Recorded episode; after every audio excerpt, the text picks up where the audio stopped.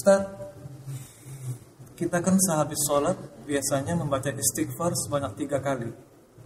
Nah, timbul pertanyaan dari Ana. Kan kita habis sholat, habis beribadah. Kenapa mesti Nah. membaca istighfar? Iya. Biasanya orang yang beristighfar habis melakukan perbuatan maksiat. Bagaimana Iya. itu Ustaz?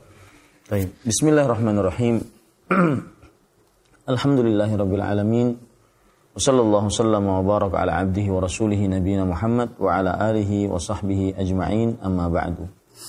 Jika ditanya kenapa kita beristighfar setelah salam sholat, maka jawabannya sangat mudah karena begitulah yang dicontohkan oleh Rasulullah Sallallahu Alaihi Wasallam. Dan kita di dalam sholat diperintahkan oleh Rasulullah Sallallahu Alaihi Wasallam untuk mencontoh beliau. Sallu kama ra'aitumuni usalli. Dalam hadis riwayat Bukhari dan Muslim. Salatlah kalian sebagaimana kalian melihat aku salat.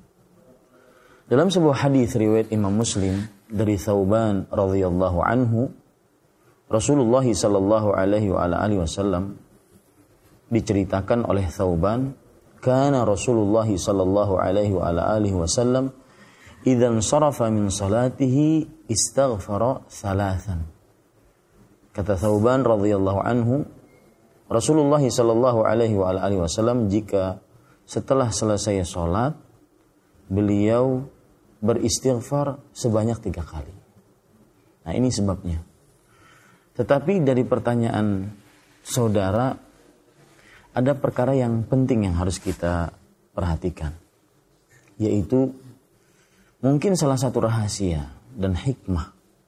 Kenapa Rasulullah Shallallahu Alaihi Wasallam beristighfar setelah selesai sholat. Salah satu rahasianya adalah agar sholat kita benar-benar diterima oleh Allah Subhanahu Wa Taala. Mungkin ketika sholat kita tidak khusyuk, tidak hadir hati.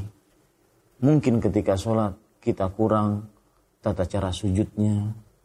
Mungkin ketika sholat kita kurang tata cara rukuknya, bacaannya, dan sebagainya. Maka ini adalah konsep beramal setiap muslim. Bukan hanya sekedar mengamalkan ibadah tersebut, tetapi bagaimana ibadah tersebut diterima oleh Allah Subhanahu wa taala. Bagaimana ibadah tersebut benar-benar kita ingin diterima oleh Allah Subhanahu wa taala dan, dan ganjaran pahalanya kita dapatkan. Dan inilah yang diingatkan oleh para salafus saleh.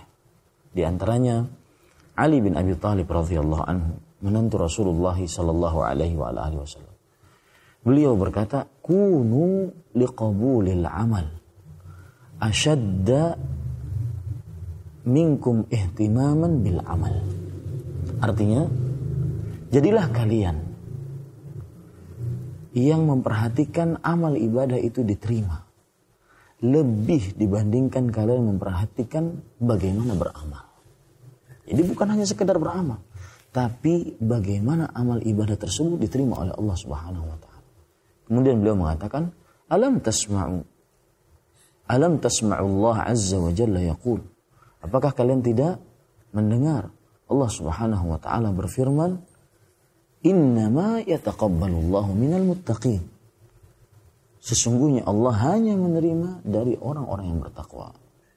Di dalam surah Al-Maidah Allah Subhanahu wa taala sebutkan hal ini. Begitu juga perkataan Fudalah Ibnu Ubaid.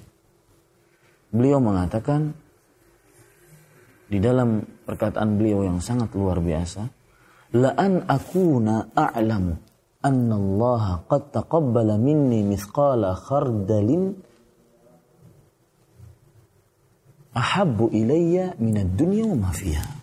Sungguh aku mengenal, mengetahui bahwasanya Allah Subhanahu wa taala menerima dariku walau seberat zarrah atau seberat biji sawi kecil. Aku mengetahui amalku diterima oleh Allah Subhanahu wa taala walau seberat itu, maka itu lebih aku sukai dibandingkan mendapatkan dunia dan seisinya. Kenapa demikian? Karena orang yang diterima amal ibadahnya berarti orang yang bertakwa.